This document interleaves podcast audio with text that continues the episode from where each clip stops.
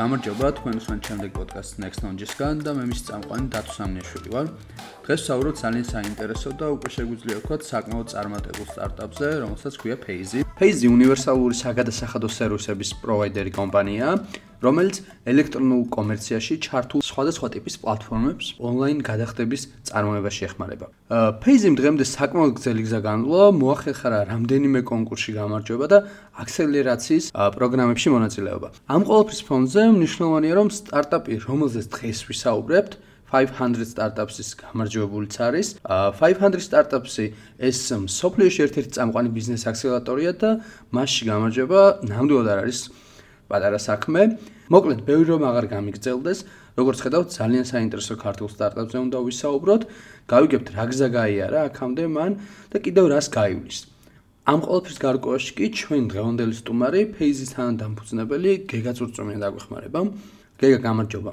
რატო გამარჯობა, მადლობა მოწვევისთვის და მივესალმები მსმენელებს. აა მოდი დავიწყოთ მაშ პირდაპირ, ეს რა არის Phase-ი? აი რომ მოგიყვენ მოკლედ მასზე, რაღაც საინტერესო. იბატონო. ჰმმ. აა Phase არის მარტივად ვთქვათ უნივერსალური ონლაინ გადახდების პლატფორმა. ანუ ჩვენ ვემსახურებით ნებისმიერი ტიპის ონლაინ ბიზნესს. დაწყებული ყველაზე პატარა ასე ვთქვათ ოჯახური მაღაზია რომელიც აქამდე შეიძლება ვაჭრობდა მხოლოდ ფიზიკური მაღაზიის საშუალებით ან ხელით და გადავიდნაცვლა ციფრულ სივრცეში ასევე უზარმაზარი გიგანტებით რომლებიც შეიძლება პოტენციურად გლოვო და მისნაირი კომპანიები იყვნენ, რომლებსაც ასევე ეს ფუნქცია ცოტა უფრო დახვეწილი, მაგრამ ეს ონლაინ გადახდები საბოლოო ჯამში მარტივად და ეფექტურად უნდა რომ მიიღოს. მუშაობა სადღაც ამ პროექტზე დავიწყეთ მუშაობა ერთ წელზე ცოტა მეტი არის. პრინციპში წელიწად ნახევარიც არის. ერთი წარმატებელი გასვლა გქონდა ჯიტაზე. თავიდან რეალურად ორი წარმატებელი გასვლა გქონდა ამაზე შეგვიძლია ვისაუბროთ მაგრამ საინტერესო კი კი ეს რაღაც საინტერესო მომოტივირებელი ფაქტორი შეიძლება იყოს ბერისთვის ჩვენი მაგალითი რა აა თავიდან დავიწყეთ ცოტა უტოპიური იდეით მე და ჩემმა თანადამფუძნებელმა კახგელაშვილმა ისევ გადახდებში, მაგრამ ცოტა ისეთ საკითხს ეხებოდით, რაც პრობლემა არ იყო რა. შეიძლება ძალიან საინტერესო პროექტი იყო, დღემდე რაღაც ესეთი ნოსტალგიით უყურებ, მაგრამ რეალურად ჯიტამ და მენტორებმა ამ ამერიკელებმა ვინც ჩამოვიდნენ, დაგვანახეს, რომ რეალურად ჩვენ მუშაობდით ისეთ პროდუქტზე, რომელსაც რეალურად არავის ცხოვრებაში ეს პრობლემა არ იდგა და ამ გამოგვაფხიზლა საკმაოდ და ამ პერიოდში ჩვენი მიმართულებები ქონდა პროგრამული უზრუნველყოფის კუთხით რამოდენიმე პროექტზე მუშაობდით და დავინახეთ ძალიან სერიოზული გამოწვევა და შესაძლებლობა რომ ონლაინ გადახდების კუთხით ბევრი ახალი რაღაც სიტყვის თქმა შეიძლებოდა როგორც საქართველოსში ისე რეგიონში. აჰა. გვიმუშავე ამერიკულ ანალოგებთან ჩვენ ისაც დაუშვათ შევყურებთ როგორც არის Stripe, ევროპაში Eden-ი, ინგლისში checkout.com-ი და მათ ბაზაზე და მათთან მათთან მუშაობის შემდეგ რა საინტერესო მიმართულებების დავინახეთ, გადავწყვიტეთ რომ ეს ამ ინდუსტრიაში თავით გადავხტარიყავით და ეს პრობლემა რომელიც საკმაოდ ბევრ მერჩანტს კლიენტს ზოგადად ადამიანს ვისაც უნდა რომ მარტივად ონლაინ გადახდები მიიღოს ნებისმიერი წერტილიდან სოფლიოსი ეს ეს პრობლემა მ გადაწყვეტეთ რომ გადაგვეჭრა. აჰა საინტერესო აა აი რაღაც ის სახსენე შენ ხო რაღაც თავინა რაღაც წარმომადგენლობის მომენტი და ძალიან საინტერესოა ეგეც იმიტომ რომ ვინც ახლა ფიქრობს მაგალითად რაღაც სტარტაპ ინდუსტრიაში რომ თავი ამოღოს ან რაღაც დაიწყოს საინტერესოა იგივე ეს შენი გამოცდილება რა იყო ეს მიზეზები წარუმატებლობის და რა ისწავლეთ ამით ხო სიტყვაზე? აა ძალიან საინტერესოა ეგ მართლა რა რა თავიდან ან წარე არის იმიტომ რომ რაღაცაზე მუშაობ რეალურად იმედები რაღაცა და? იმედებიც რაღაცა პირველად გამოგაქვს საჯაროთ ეს შენი ნამუშევარი და აა ნეგატიურ უკავშირს რო იღებ, ძნელია როგორც მისაღებად, ასევე აა ნუ ანუ აღიარებადაც კიდევაც რაღაც. აღიარებაც რთულია რაღაც მომენტში, მაგრამ აი ეგ ერთ-ერთი მთავარი თვისება არის, რომ კარგად დაინახო სწორი ხალხისგან მიღებული უკავშირი და ეს არ მიიღო როგორც ნეგატიურ რაღაცა იმათ და პირიქით ეს მამოტივირებელი იყოს, რომ რეალურად გამოასწორო ეს უკავშირზე იმუშაო და პირიქით უფრო გაუმჯობესებული ან შეიძლება სულად ჩვენ შემთხვევაში სახეცვლილი პროდუქტი დადო ანუ რა და ჩვენ პირველად სრულიად სხვა პროდუქტით გავედით ვერავიღეთ გრანტი მეორედ უკვე საკმაოდ შემდგარი და აა ბეტა ვერსია გაშვებული კიდე გავედით და კიდე ვერავიღეთ გრანტი მაშინაც ძალიან გაწილებული ვიყავით მაგრამ რეალურად ეს ყველაფერი ძალიან მადლიერები ვართ რომ ანუ ეხლა ავიღეთ ბოლოს მაგრამ ეს ყველა გაკვეთილი რაღაცა ყველა გაკვეთილმა რაღაც მოიტანა რა და ჩვენ თვით რომ ანუ დავუშვოთ ვისაც სულ ამბობ ხოლმე რომ მე აი მაგალითი ვარ ვიც დავუშვოთ ვერ იღებს გრანტს ვეუბნები რომ აი მე ვარ ეხლა დღეს ნამდვილად კარგი მაგალითი რომ დღეს საქართველოს სამწუხაროდ ალტერნატიული ბევრი საშუალება არსებობს აფინანსო სტარტაპებში ერთი არის ეს სოფლიო ბანკის და ჯიტას პროგრამა 100000 დოლარიანი გრანტის, რაც საკმაოდ ისეთი კარგი წამოწყება არის და ბევრს ვინც პირველ გასვლაზე ვერ იღებს, ვეუბნები რომ აუცილებლად არ დანებდნენ და მეორე რაუნდიც ადონ და კიდე ცადონ და ცადონ სანამ არ აიღებენ რა.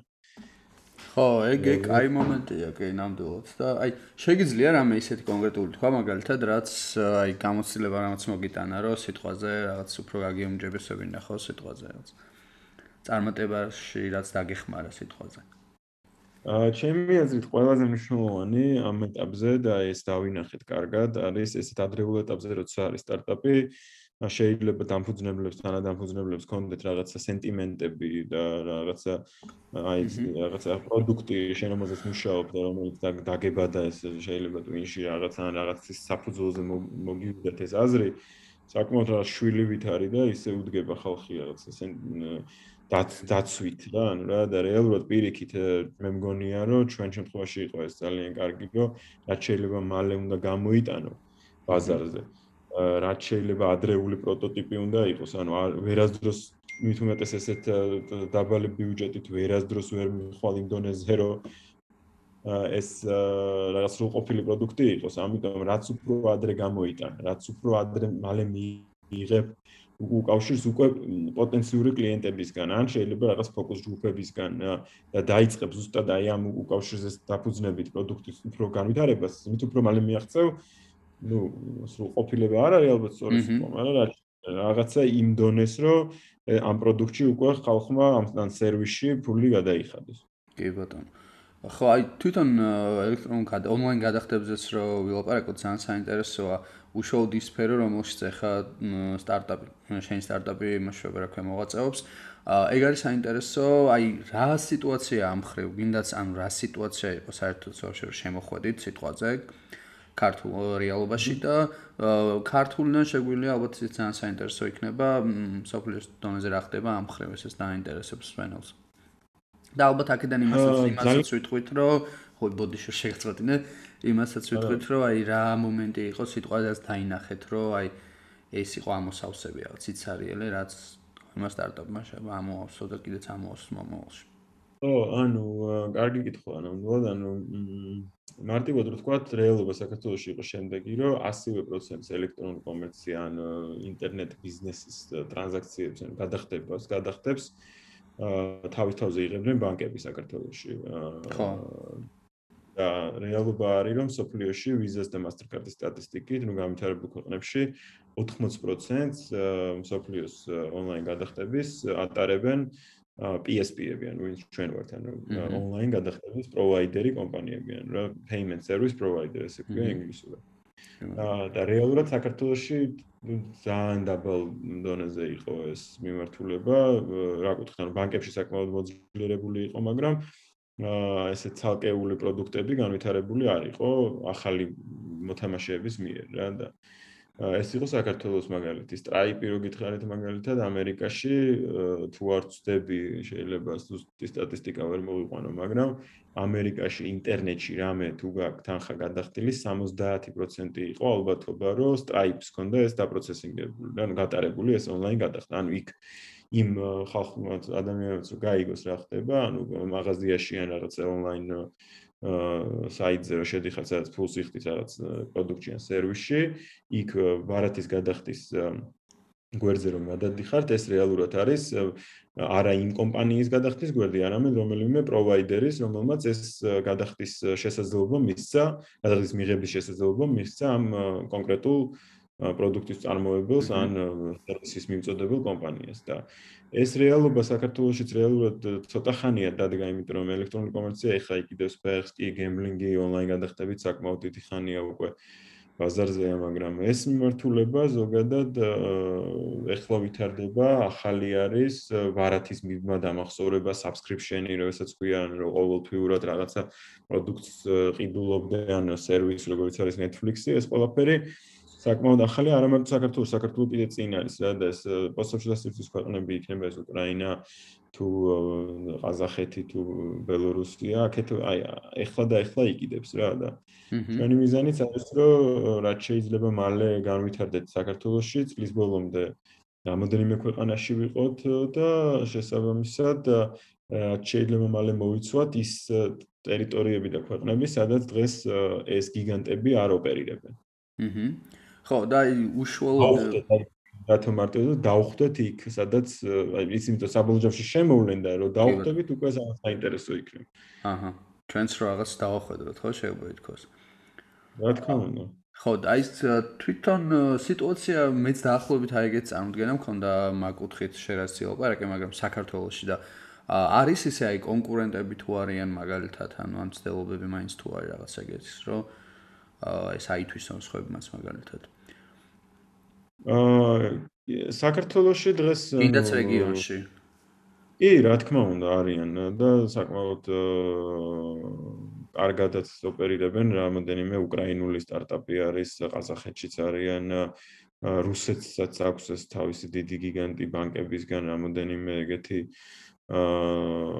პლატფორმა, მაგრამ საბოლოო ჯამში ყველაფერი დადის იმაზე, რომ გლობალურ, ანუ შიგნით ალაგებენ რა, რა მარტივად ვთქვათ ამ პრობლემებს და რატომღაც რეგიონალურად და გლობალურად რო გავიდნენ, ეგეთი მაგალითები ძალიან ცოტა არის. უფრო პირი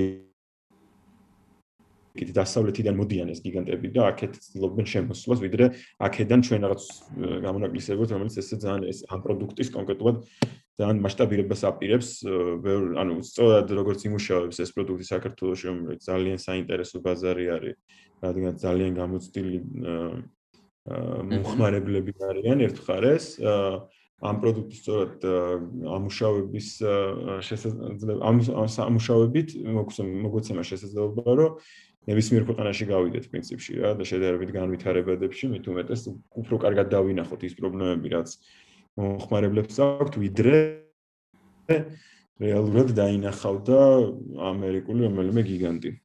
აჰა. კი ბატონო, აი ჩიტა ახსენეთ იგივე 500-იც ახსენეთ, ანუ ეგ არის ან კიდე ნიშნავანი რაღაცა, რომ ზოგადად აი სტარტაპ კულტურის მხრივ რა სიტუაცია და კიდაც აი ეს აქსელერაციები იქნებოდა თუ რაღაცა როგორ დაგეხმარათ რა. აი ძალიან საინტერესო. აი რა იყო სიტყვაზე გინდათ 500 სტარტაპამდე და ზოგადად აქსელერაციებამდე და რამხელა პროგრეს განიცადეთ ამის მე და მე უკვე შეგვიძლია ალბათ უშუალოდ მასს ვისაუბროთ როგორია ეს პროგრესი და როგორ გეხმარებიან გინდათ მენტორები იმიტომ რომ ძალიან ბევრს დაინტერესებს ეგ რაღაცა ეგ არის მე ყველგან ამბობ და აი თქვენთანაც გავიმეორებ აა ყველაზე დიდი წინგადადგმული ნაბიჯი არის საქართველოსში სტარტაპ ეკოსისტემის განვითარებისთვის 500 სტარტაპის საქართველოსში არსებობა რა იმიტომ ჯიტა თავისაშვება რა თქმა უნდა იქ ბევრი რაღაც არის ჯიტაში ჩემი აზრით ძალიან კარგი სტარტი იყო მაგრამ ეხა დრო არის რომ რაღაც რეფორმები ჩატარდეს ეს ჩემი აზრია რა თქმა უნდა კიდე არსებობდა სტარტაპ გრაინდი რომელიც რაღაც არის ყველა ცალ-ცალკე რაღაცა თავის ნიშურ რაღაც საინტერესო პროდუქტს დებდა სტარტაპებისთვის, მოდი ისე ვთქვათ რა, იმიტომ რომ სტარტაპები გამოჩნდნენ ბაზარზე, ტექნოლოგიური პროდუქტები გამოჩნდნენ, საკმაოდ კარგი ენტერპრენორები, ფაუნდერები, დამფუძნებლები გამოჩნდნენ, ვინც საინტერესო პროექტებზე მუშაობდნენ, აა საინტერესო გუნდები გამოჩნდნენ, ვისაც ტექნიკურად ძალიან ბევრი რამის შესაძლებლობა ჰქონდათ და მეორე მხარეს რა არის, ხო? ანუ პირველი არის წინასწარი კაპიტალი, რომელიცაც რაღაც დონემდე მიხვალ ამ პროდუქტის განვითარებისთვის.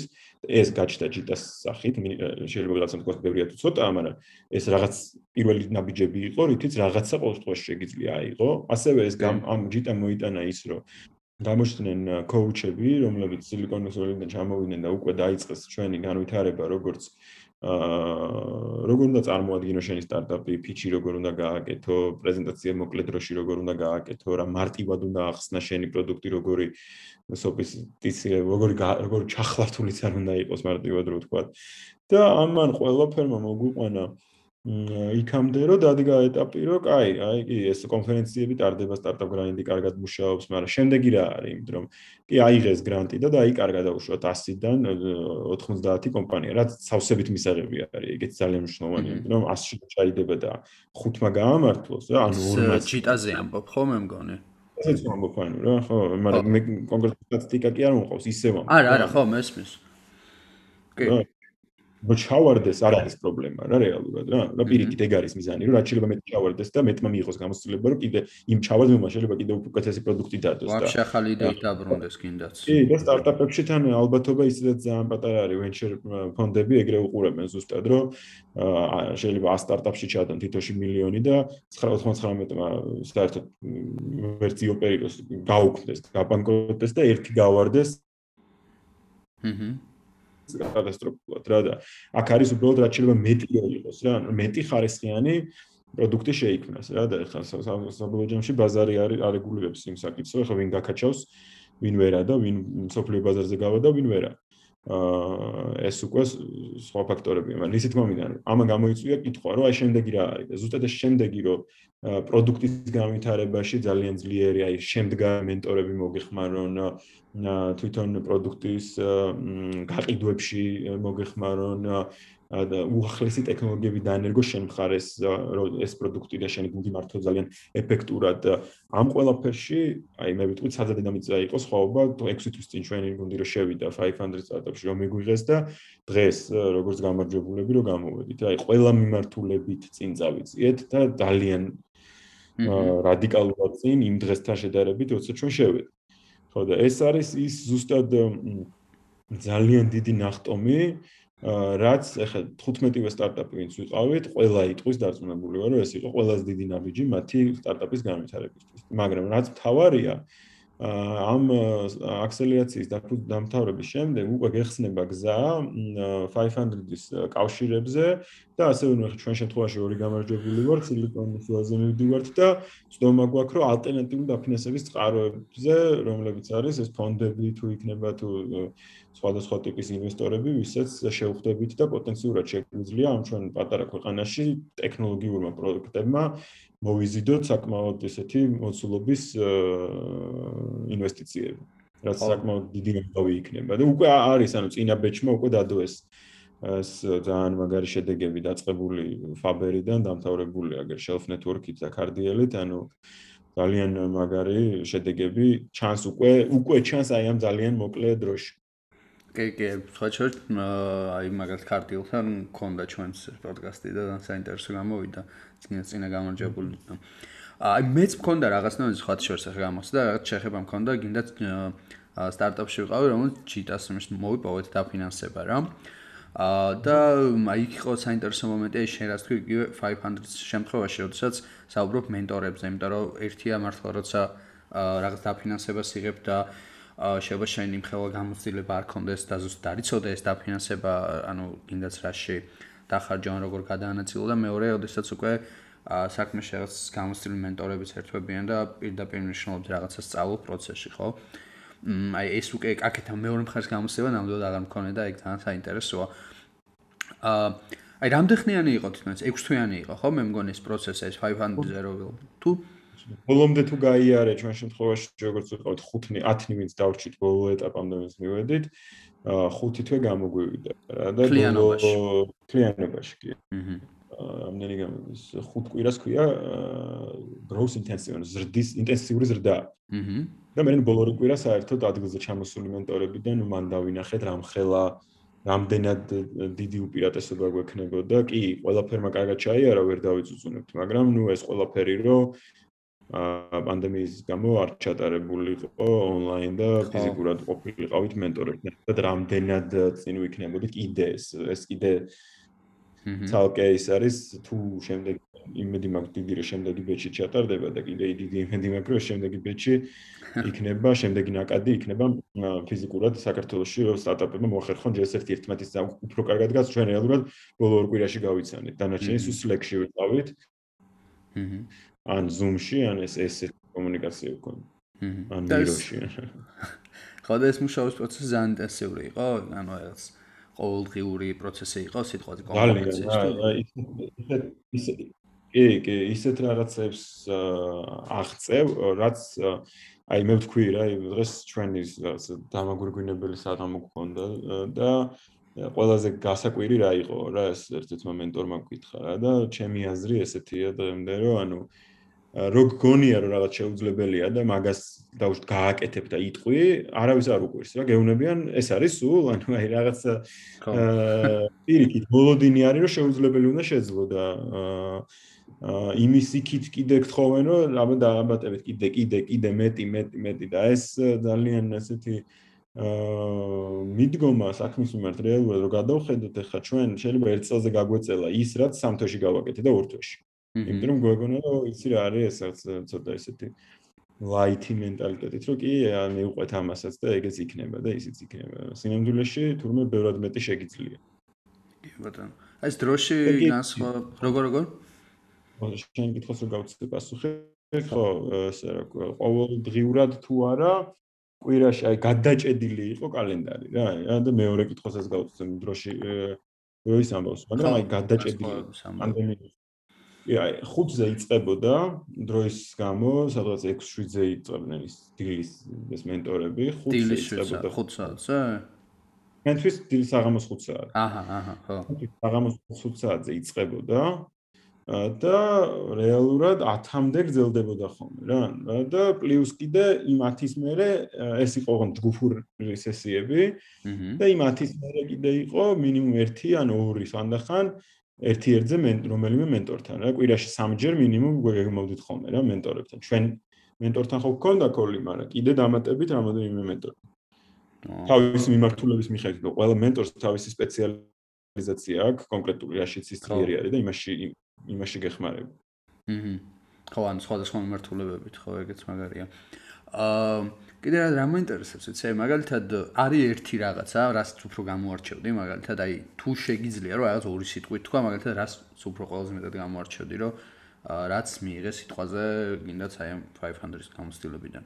თუ არის ეგეთი რაღაც თუ შეიძლება ვშე რომ ითქოს ეგრე ორ სიტყვაში. აი ძალიან მარტივად რო თქვა პროსტო თავდაჯერებულობა რა იმიტომ რომ ეს მენტორები რომ რომლებსაც ეს ყველაფერი გავლილი აქვს სოფლიო დონეზე და და თავის მიმართულებით დამტკიცებული აქვს საქმე და გაკეთებული აქვს საინტერესო რაღაცეები ისეთ განვითარებულ ბაზარზე როგორც აუშთ ამერიკის სან-ფრანცისკოს ბეი არეა არის ესენი რო გიყურებენ და გეუბნებიან რომ ანუ მართლა სწორ და მაგარ რაღაც საკეთებ და მაგარი გუნდი ხართ და აბა თქვენიცით და აბა ისე და აბა არ მარტო ჩვენ რა თქმა უნდა თელ ნაკაჩი ძალიან ძლიერი გუნდები იყვნენ ეს ყველასთვის რაღაც დამატებითი აქ რო ხარ საქართველოსში რო არ ყავს ჩვენ ახლა რეალურად არც ეს ერთგვარი unicorn-ი არც რეალური აი პირველ მაგალითებს ხედავთ და ისინი ჩვენი საერთო წრე შექმნა 500 სტარტაპ ეკოსისტემაც რო ახლა ყველა ერთმანეთის მეგობრები ვართ და ძალიან ხარს უჭერს ყველა ერთმანეთს და პირიქით ერთმანეთის კლიენტებიც ჩდებიან უკვე ჩვენთვის რამოდენიმე ჩვენი კლიენტი გაჩნდა რაც ძალიან სასახარულო არის ეს ამბები პირიქით ანუ არ გვაქვს რა ეს მაგალითი ხა ჩვენ რო ყავდეს დაუშვათ Skype-ის ნაერი პროდუქტი ან Base ან Fiverr Fiverr რაც დადო ისრაელმა ეგეთი პროდუქტის შემქმნელები რო ქართველები იყვნენ რომლებიც რეალურად უკვე შეიძლება რამოდენიმე მილიარდად გაყიდეს ეს პროდუქტი და დაბრუნდნენ აქ არიან და აქ კიდე თავის რაღაც სტარტაპს მუშაობენ ან ვიღაცას ეხმარებიან უკვე სხვა ის გეკნებოდა რა, ანუ რა თავდაჯერებულობა რა და ეხლა რო არ გვაქვს ჯერ ეს кейსები, ხო? და იმედია მალე რომ ჩვენგანი ამას შექმნის. აა ესეთი მაგალითები რო არ იყო ამ ადამიანებისგან რომ მოდიოდა ეს პოზიტივი და ეს თავ ეს მუხტი რო აი მაგარ რაღაცას აკეთებთ, მაგარი გუნდები ხართ, სხვანაირად აღიქვავდი და სხვანაირი თავდაჯერებულობა შემოქონდა ჩვენშიც რა. აჰა. კი ბატონო. ამიტომ თავდაჯერებულობის რაღაცა შეიძლება ითქვას, არ ვიცი. კი ბატონო. აა მე დამაინტერესა კიდე აი როგორ რაღაცა მიცე.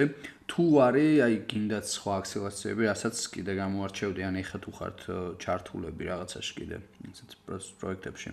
კი, გამოვარჩევდი, ყველას ურჩევ რომ 500-ში რა თქმა უნდა საქართველოსი იმედია გაგრძელდება ეს ყველაფერი და მიიღონ აუცილებლად მონაწილეობა, ეგ ერთი, მაგრამ რა თქმა უნდა არის Y Combinator-ი, რომელშიც ყველა ქართულ სტარტაპს ვის თulis, ანუ ეს არის ცალკე გამოცდილება, მხოლოდ ჩვენ ინტერვიუზე მივედით. აა წინაზე არ მიგვიღეს, მაგრამ ნუ ახ ინტერვიუში ხდება, მე მგონი, სულ 3% აპლიკანტების. და ნუ ბაზარზე ვკითხეს რაღაცები რა ეგონ რამხელა მოცულობის ბაზარი აქეთ რაღაც კითხვები ქონდათ საკმაოდ არ იქონდათ წარმოდგენა აქაურ რეალობაზე და ნუ ჩვენი საკითხები გავიარეთ მაგრამ ნუ აი კომბინატორი არის ერთ-ერთი მოწინავე ჩვენ შარშან გავიარეთ startup wise guys არის ეგეთი ესტონური პლატფორმა იმათი მათი ის გავიარეთ პრეაქსელერატორი, რომელიც უფასო იყო და ძალიან მაყოფილები ვიყავით მაგითიც მაგ ეტაპზე ჩვენთვის. ანუ პრეაქსელერაციაც ძალიან მნიშვნელოვანია. ახლა ყველას ურჩევ კიდე რომ ჩვენ აქსელერაციას დაესწრო impact hub-ის გუნდი და აა მათაც როგორც ვიცი პრეაქსელერატორი თუ აქსელერატორი ვერ რო არ შევწყვეტ არ ვიცი მაგრამ ნუ მოკლედ აქსელერაციის პროგრამა შექმნეს რომელშიც ქართულ სტარტაპებს შეუძლიათ მიიღონ მონაწილეობა ამიტომ ეს ძალიან კარგი არის რომ knowledge-ის ანუ ცოდნის გაზიარება რო ხდება ძალიან დიდი ამბავი არის. აჰა აი Skype-ზე რაღაც რო ახსენე ხო? აი შენ როგორ წარმოგიდგენია? რამდენად გვაქვს სიტყვა საქართველოსში რაღაც მსგავსის შექმნის პოტენციალი? ან კიდაც აი ეს პროცესები რაც ახლა ლაპარაკობთ აი რამდენ ხანს შეიძლება რომ ამან რაღაც ბოლომდე ესე ვთქვა შედეგი აჩვენოს რომ მე უკვე რაღაც წამოვიდეს წამოვიდეს და უკვე აყვეს ხო ერთმანეთს ტენდენცია იყოს რა. იმიტომ რომ მე როგორც წარმოგიდგენ რეალოდ ეხა ხდება მართლა რაღაც გზის გაკვლევა ხო? და ესაა საინტერესო კიდე როგორ წარმოგიდგენია ეს გზის გაკვლევის პროცესი? არა მარტო გინდა საით თქვენი სტარტაპი ზოგადად ხო? აი რაღაც. კი ბატონო აა მე ვარ ძალიან ოპტიმი, მაგრამ გონია მაინც რომ ეს პროცესი გარდაუვალი არის და უბრალოდ დროის ამბავია, რამდენად ჩქარა მოხდება ეს, რომ პირიქით უფრო მეტი ბუსტი და მუხტი მიეცეს ამ ძალიან მაგარ საქმეს, რაც საქართველოსში ტექნოლოგიური პროდუქტების შექმნა და განვითარება ქვია და ამიტომ ეს მხოლოდ ჩემი აზრით დასაწყისია და ძალიან დიდი კაი ამბები გველის წინ რა. კი ბატონო. აა მოდი მაშინ უშუალოდ კიდე იმაზეც ვისაუბროთ, ხო აი აა სმენემა რომელიც შეიძლება კარგად არც ვერც ერკვეოდეს აი გადახდის სისტემებზე საუბრობთ ხო? აი აა რა აქვს მაგალითად ისეთი თქვენ სტარტაპს რას თავაზობს ესეც რომ არის რაღაც ყველაზე მნიშვნელოვანი მაგალითად და ამავდროულად მარტივად გასაგებია აი რაღაც ესეთი რაღაც. ეს მარტივად გასაგებად რო თქვა ყველას მარტივად გასაგებად რო თქვა პირველ რიგში თავაზობთ იმას რომ ჩვენთან ჩვენ კლიენტს შეუძლია უმარტივესად და ძალიან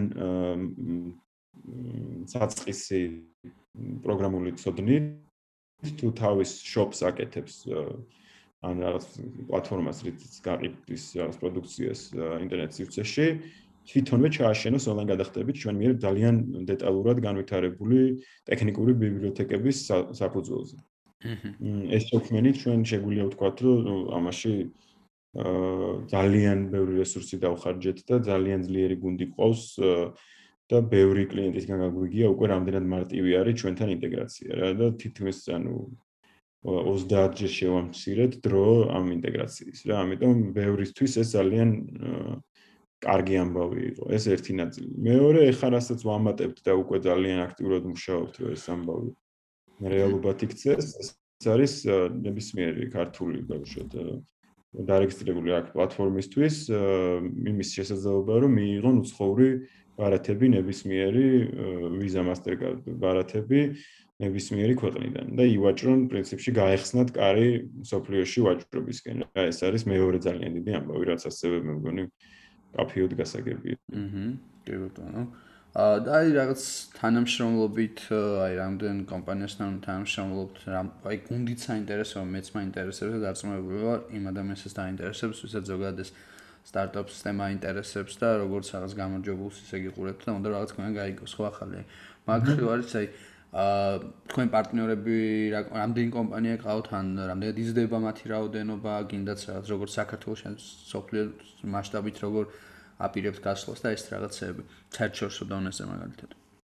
კი ბატონო, აა პირველ რიგში გუნდი იმას ვიტყვი, რომ ძალიან მნიშვნელოვანია ესეთ პროდუქტებზე, როცა მუშაობ, რომ შიგნით გუნდში გქონდეს იმის რესურსი, რომ ან რაღაცა მარტივად შეცვალო, ან შენით ეგ ფუფუნება ძალიან მნიშვნელოვანია. ესმის შეიძლება რთული არის მამის აწყობა, მაგრამ ნუ მე ჩემ თანაპარტნიორი ალბათ საქართველოს ერთ-ერთი არა მარტო საქართველოს ერთ-ერთი ყველაზე ძლიერი პროგრამული უზრუნველყოფის არქიტექტორი არის და ძალიან ისე თავიდანვე ისე მიუდექით პროდუქტის განვითარებას სწორად.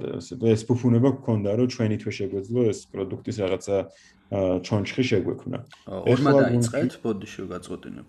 ორმა დავიწყეთ, კი, ორმა დავიწყეთ და ეხლა გუნდი კი არის 10 კაცი ვართ უკვე გუნდში. Full time with some projects. კიდე არიან ჩვენი გუნდის წევრები ვინც ნახევარ განაკვეთზე გვეხმარებიან ძალიან ძლიერი გუნდი არის. აა გვაქვს ამის ფუფუნება დღესაც საბედნიეროდ. მაგრამ ანუ მართლა რაღაც საინტერესო იმის გასახანი აქვს რომ მართლა იციან რაღაცა პოტენციურად სოფლიო დონის პროდუქტზე მუშაობენ რომელიც ამასაც უნდა რომ სიტყვა თქვას არა მარტო საქართველოსში, არამედ რეგიონშიც და შემდეგ მის გარეთაც და ეს ერთი ნაწილი. მეორე კითხვა შემახსენია ეს გუნდზე იყო და მეორე იყო როგორც გამო მეორე იყო ხო, ანუ გამო იდეა შეიძლება კლიენტები მაინტერესებდა, ხო? კლიენტები ახლა უკვე სადღაც თითქმის 90 კომპანიას და ინდმეწარმეს ზოგი ინდმეწარმე ვემსახურებით. რა თქმა უნდა, არ იყო ეს გზაც მარტივი, დიდი ხანი დაგჭირდა ჩვენ ახლა ლიცენზირებული კომპანია ვართ ეროვნულთან ძალიან მჭიდროდ მუშაობთ, მაგრამ მიუხედავად რომ ლიცენზია ავიღეთ შემდეგ ოპერირებას დაწყებიდან საკმაოდ დიდი ხანი დაგჭირდა რომ პირველ რამოდენიმე კლიენტამდე მივსულიყავით. მე დიდხანს რა თქმა უნდა რამოდენიმე თვეს ვეძახი, მაგრამ მაინც ეს რთული პროცესი იყო, ამიტომ შეიძლება მოლოდინი პროცესს კონდეს, რომ რაღაცას რო გახსნი მეორე დღეს ყველაფერი დაუშვათ იავარდით მოფენილი იქნება მაგრამ ესე არ იყო ჩვენ შემთხვევაში ძალიან რთულად ბევრი რაღაცის გადალახვა რაღაცა საკმაოდ კრიტიკული უკავშირის მოსვენა მოგვიწია და იმაზე მე კარგად მივიღეთ ეს გადავმუშავეთ და საკმაოდ უკვე ესეთი საინტერესო პროდუქტი დავდეთ. აჰა ეს აქსელერაციამდე იყო პირველი კლიენტი. თუ აქსელერაციის აქსელერაციამდე არისო ჩვენ ერთ-ერთი გამონაკლისი. თუმცაც ესეც საინტერესო უნდა იცოდეს ძალიან კარგია რომ იცოდეს ბევრს უკვის ხოლმე ჩვენ ერთ-ერთი გამონაკლისი ვიყავით იმ პროექტებისა, რომლებიც ჯერ ბეტა ვერსია არსებობდა, მაგრამ უშუალოდ ფულსაც ავწერდით და კი რაღაც ტრანზაქციებს ვატარებდით, ვიღაცებს ვემსახურებოდით, მაგრამ ეს იყო უფრო სატესტო რეჟიმში, ამიტომ ოფიციალური ესე კლიენტი. სია გქონდა იმ კომპანიების, რომლებიც არეგისტრირდნენ და აინტერესებდათ ჩვენი პროდუქტი, მანამდე ჯიტაშიც ვიყავით, რაღაც გრანტი მოვიგეთით, სხვა გრანტი, რაღაც გაშუქება გქონდა, ამიტომ ხალხმა იცოდა რას ვაკეთებდით და უკვე ერთგვარი მოლოდინის სია ვიზელოდებოდა ამ პროდუქტს ქონდა რა, მაგრამ ეს ერთგვარი პირდაპირ კლიენტი არ ყოლია. აჰა, კი ბატონო. აა მე მგონი რომ ნელ-ნელა შეგვიძლია დასრულისკენ წავიდეთ. აა მაგრამ აი მინდა თვითონ აი ვინც გვისმენს ახლა ვისაც უნდა რომ სიტყვაზე თვითონაც შექმნა სტარტაპი, ამ ხრივ რას ურჩევდი მას? შეიძლება ესო და ისეთ შეკითხვაა. აა ბანალურიც, მაგრამ მაინც საინტერესო იქნება, ხო? ანუ რას ურჩევდი და რამდენად აი რა რა ჯობია რომ გააკეთოს გინდაც ქართულ რეალობაში, რომ რაღაც შეძლოს წინ წაწევა. იმიტომ რომ აი თქვი რომ მაგალითად ორნი ვიყავით ჩვენ ორმა დავიწყეთო, ხო? რაღაცები ხო კონდათ ჩამყავ გინდაც აი საიდან გაჩნდა საერთოდ პირველად ამის იდეაც, ხო? რომ მოდი დავიწყოთ ხა ეს კონკრეტული რაღაცა. ეგეც საინტერესოა. თუ შემაიგო ხო აი ბოდიში აი მაგალითად არიან ადამიანები რომელსაც რაღაც იდეა აქვს სულ აქვს სულ აქვს მაგრამ აი იმ მომენტამდე არ მიდიან რომ ხო ხტები რომ დაიწყონ რა. და ეს პროცესი იწელება და მე შეიძლება დაბერდე და დაგავიწყო. ხო აი აა ხო ნუ ახლა ეგ ერთ შემთხვევაში ცოტა რთული არის რა მართლა ახლა წადი იმ რისკზე და რაღაც გარანტირებული სამსახური ამოდი და აბა დაჰკარი ფეხი და ეხა ყველაფერი იქით კარგად იქნება და სტარტაპერობა კაია და რაღაცა საბოლოო ჯამში სულ აი ვამბობთ ეს არის ბიზნესი რა და ანუ საბოლოო ჯამში შეიძლება რაღაცა უფრო ტექნოლოგიურს ქმნიდე მაგრამ საბოლოო ჯამში უნდა ყავდეს კლიენტი ვინც ფულს გადაგიხდის და რაც შეიძლება მეტი უნდა იყოს ესეთი კლიენტების რაოდენობა რომ შენ მასშტაბით მასშტაბირება შეგეძლოს ამ ინდუსტრიაში. ამიტომ მთავარი არის რომ შეხედო ეგრე რა რომ აი რა ინდუსტრია. კი შეიძლება ძალიან რაღაცა ინოვაციურ პროდუქტზე მუშაობდე, მაგრამ საბოლოო ჯამში სამწუხაროდ დღეს საქართველოში არ არის ეს კვლევით ინსტიტუტები განვითარებული ისე რომ აი მეწარმემ ან მეწარმე მეცნიერმა ესე დავარქვათ იმუშაოს წლები გაატაროს ამ ინსტიტუტში და ამ ინსტიტუტის ხარდაჭერით შეიქმნას რაღაცა ინოვაციური ძალიან ისეთი ან ინოვაციურთან ერთად ამავე დროს რაღაც რევოლუციური პროდუქტი რა და ამიტომ აქ უკვე უნდა უყურო ცოტა უფრო კომერციულად რა რაც შეიძლება მალე გამოიტანო პროდუქტი იმიტომ რომ რესურსიდან გამომდინარე რა თქმა უნდა განვიხილავთ რომ წირი რესურსი გაქვს.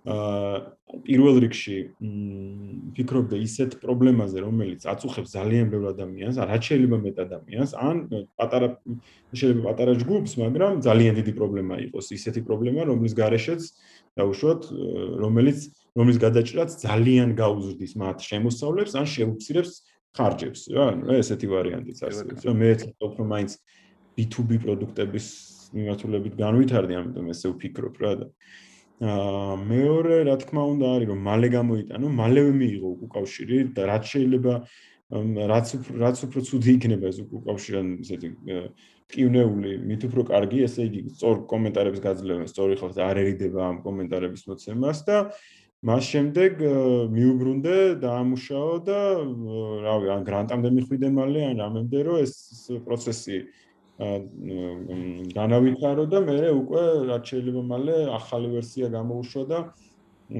პოტენციალურ კლიენტებამდე მივიდეს და უკვე გაყიდვები დაიწყო და ჩქარი ჩქარი ზრდა. აჰა, კი ბატონო. აი გახსენე კიდე რომ მაგალითად რაიგენ სამსახურიდან წამოხვიდე რაღაც რისკებზე რო წახვიდე, ხო?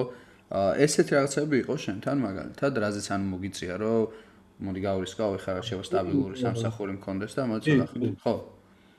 მიყო. კი, კი, კი, ბოდიში შეგაწყვეტინე, მაგრამ ანუ პირველ რიგში რას რას ურჩევდი კიდე ანუ ჩემი პატარა გამოცდილებიდან არის რომ თანადამფუძნებელი ყოველთვის ძალიან კარგია რომ ორი ისეთი ან სამი თუ რამდენი ადამიანიც იქნება ხოლმე აა იყვნენ ორი ისეთი რომლებიც აა ერთმანეთს შეესაბამებიან, ანუ ავსებენ რა მარტივად ვთქვა რა, რა თავისი შესაძლებლობებიდან გამომდინარე რა და ეგ ძალიან მნიშვნელოვანია. აა და ყველა რაღაცა თავის მიმართულება აქვს, რაც აბარია მკაფიოდ. აა ესეც მნიშვნელოვანი საკითხია. მეორე, ახლა მეც რა თქმა უნდა, საბედნიეროდ ისეთ სიტუაციაში ვიყავი, ახლა ჩემი ოჯახი არ მყავდა, რაღაცა ვალდებულებები არ მქონდა და ამ ეტაპზე წინა პროექტი, სადაც მუშაობდი, ანაგლის სპორტის პროექტი გაჩერდა. რაღაც მომენტი იყო იქ დარჩენის ვარიანტი შემეძლო, რომ რაღაც ჯერ კიდე გაურკვევლობა იყო.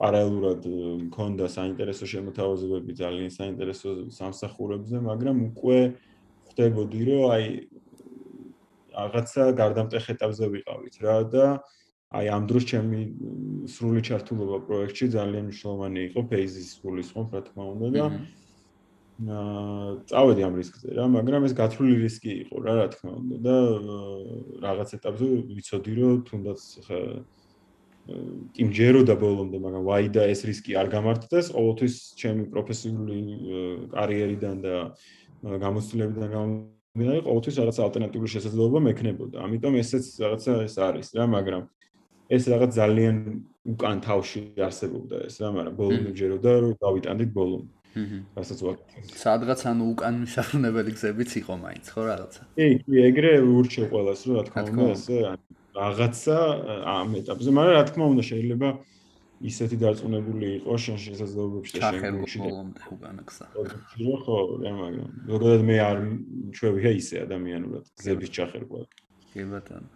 აა აა მაშინ მოდი რაღაც ერთ-ერთ ბოლო შეკითხვას დაგისვავ. აა აი მაინტერესებს თვითონ აი ეს გადახდის სისტემების მომავალს როგორ ხედავ, განვითარებას როგორ ხედავ, ან რა ტენდენციებია, რასაც აა ხედავ რომ ვითარდება და მნიშვნელოვანია, აი ან რა შეიძლება ამ ხრივ და მათ შორის აი ფეიზის როლიც როგორ წარმოგიდგენია, ამ ყველაფერს აყვეს და შეიძლება შეიძლება ესე ვთქვათ პირიქით თავისი რაღაცას განავითაროს, ხო და რაღაც პირიქით ისეთი რაღაც შექმნას, სადაც ხვებიც აყვებიან მაგალითად ამ სისტემაში. სოფლიოს მასშტაბით გულისხმობ. სოფლიოს მასშტაბით უკვე ძალიან საინტერესო მიმართულებებს ხედავთ რა. ანუ რა საბოლოოში ბიზნეს მოდელი არის მარტივი, როგორც იყო ყოველთვის ისე ისე რჩება, მაგრამ ახალ-ახალი პროდუქტების შესაძლებლობები რჩება. ჩდება. ეს არის open banking-ი მაგალითად, fintech-ს, ფინანსურ ტექნოლოგიებს მაგრად უწყობს ხელს, რომ უფრო კრეატიულები გახდნენ და ბანკებსაც კი რა, შეიძლება ბანკებს ცოტა უჭირთ ხოლმე ამ ახალ ახლის მიღება რაღაც საქართველოსში საკმაოდ მოწინავეები არიან ბანკები ამ მიმართულებით, მაგრამ open banking-ი ნიშნავს, რომ ბევრი შენი ფუნქციონალი საჯაროდ უნდა გამოდო და შეიძლება იმას შეეგუო, რომ მაგალითად შენზე უკეთესი ინტერნეტ ბანკი შექმნას ვიღაცა.